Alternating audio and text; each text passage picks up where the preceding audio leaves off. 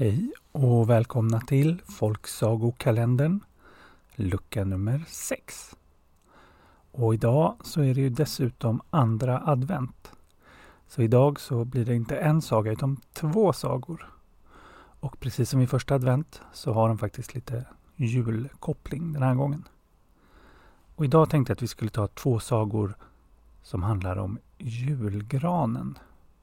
För precis som folksagor tycker om att förklara till exempel varför olika djur ser ut eller gör som de gör, så har de också förklaringssagor till varför julgranen ser ut som den gör. Och den första sagan vi ska höra, den handlar om julspindeln. Och den förklarar varför vi har glitter i granen. Här kommer den. Det var en gång en familj som bodde i en stuga i skogen. De var ganska fattiga, så de hade inget riktigt golv utan det var bara jord på golvet. Och dessutom hade de hål i taket. Och en dag ramlade det in en kotte genom hålet i taket, rakt ner i golvet. Och den kotten började växa till ett träd. Och mamman hon ville först hugga ner trädet men barnen tyckte så mycket om det, så det fick växa där. Och lagom till jul hade trädet blivit stort och fint och grönt. Och det var såklart en gran. Och barnen var så glada att de hade en så fin julgran. Och de hoppades att tomten skulle komma och lägga något riktigt fint under granen. Och mamman, hon blev lite orolig för hon hade ju så lite pengar så hon skulle inte ha råd att köpa några julklappar att lägga under granen. Hon visste inte vad hon skulle göra. Men i granen så bodde det en spindel som tyckte mycket om barnen och mamman. Och hon ville så gärna hjälpa till, men hon visste inte vad hon skulle göra. Så hela natten till julafton så sprang hon upp och ner i fram och tillbaka i trädet och funderade och oroade sig. Och när spindlar oroar sig, då händer det att de också spinner lite nät. Så medan spindeln sprang där fram och tillbaka och upp och ner och oroade sig så hade hon snart täckt in hela granen i spindelnät. Och när spindeln upptäckte det blev hon ännu mera orolig.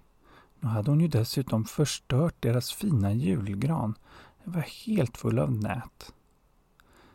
Men innan hon hann fundera över vad hon skulle göra åt det så hörde hon bjällror utanför. Och in kom en man smygande med ett stort skägg.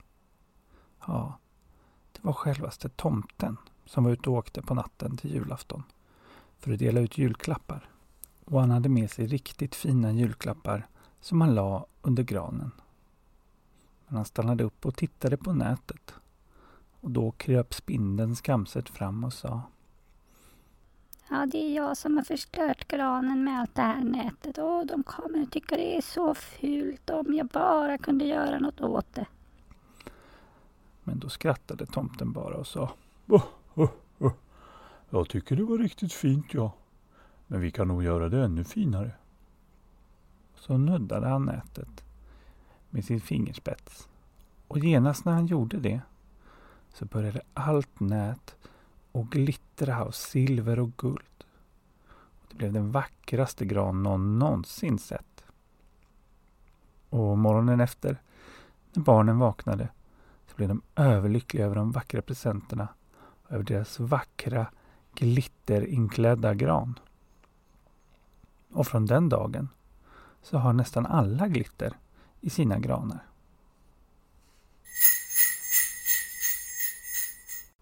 Ja men hörni, tomten, vilken fixare va?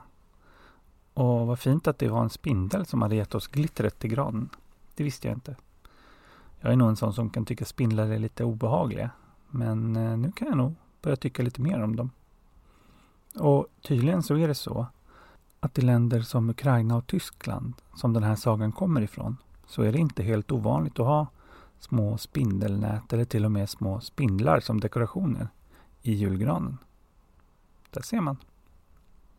Ja, nästa saga den handlar om varför vi har ljus i granen. Och den heter greven och älvdrottningen. Och den kommer här.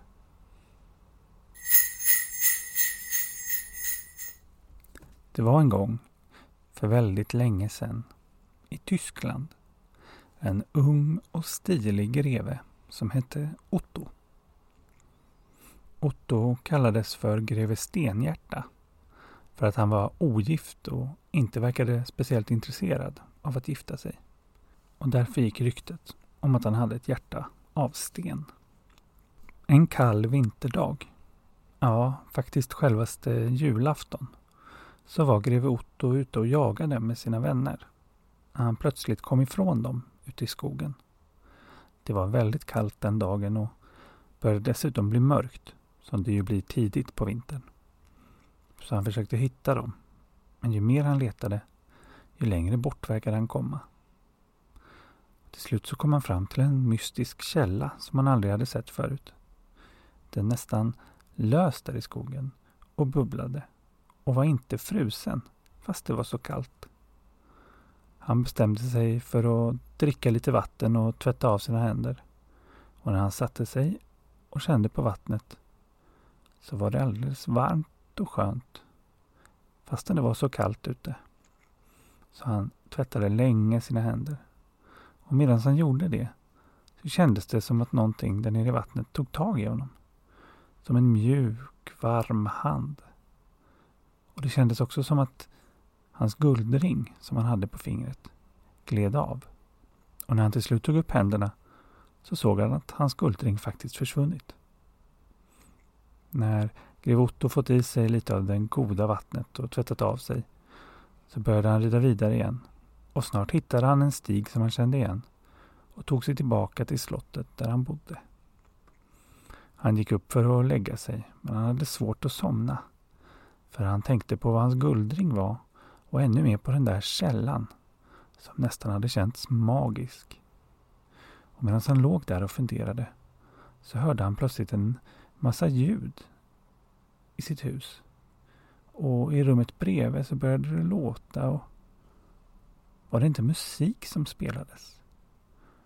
Greven bestämde sig för att gå upp ur sin säng och titta efter. Och när han kom in i rummet bredvid så var det musik som spelades.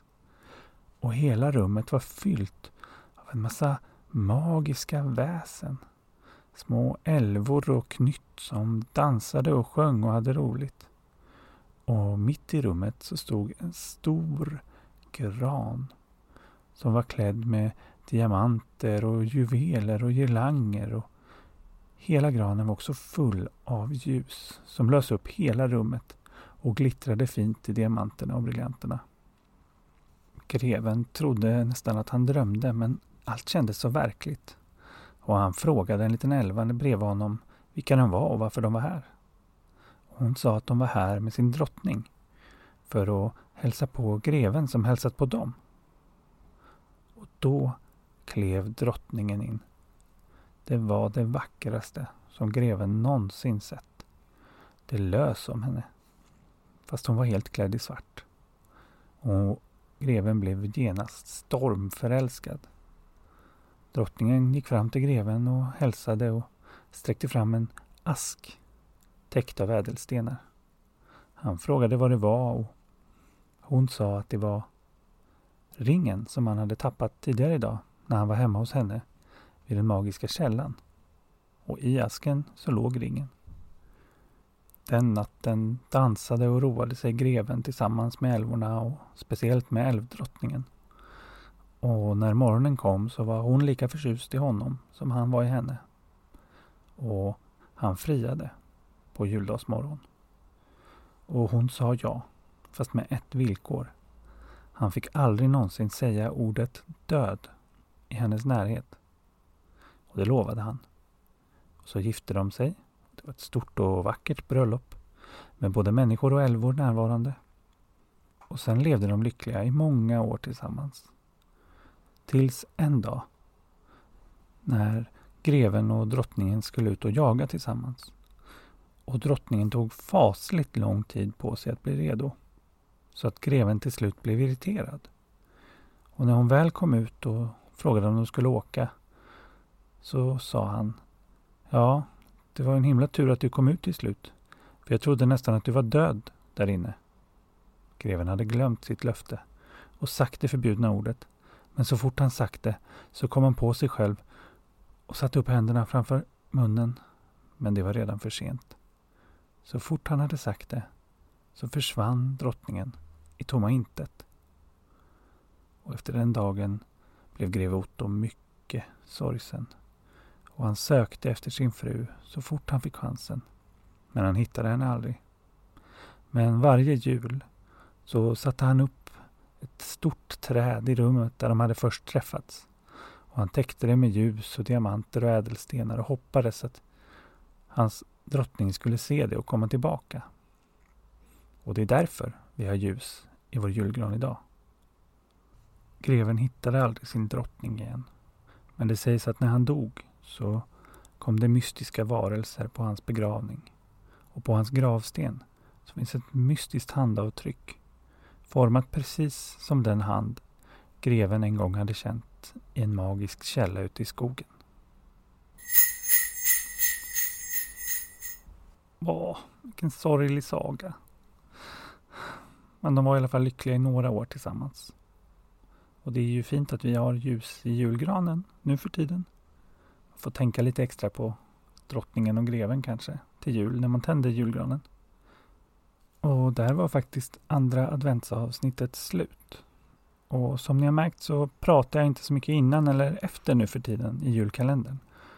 Men det gör jag på advent, så därför vill jag passa på nu och tipsa er om att följa mig på Instagram och Facebook och gärna sprida julkalendern till så många som ni bara kan. Som ni tror skulle ha glädje av lite julsagor. Och så tack då till Anna, Viktor, Elin och MC Snack. Hörni, vi hörs imorgon.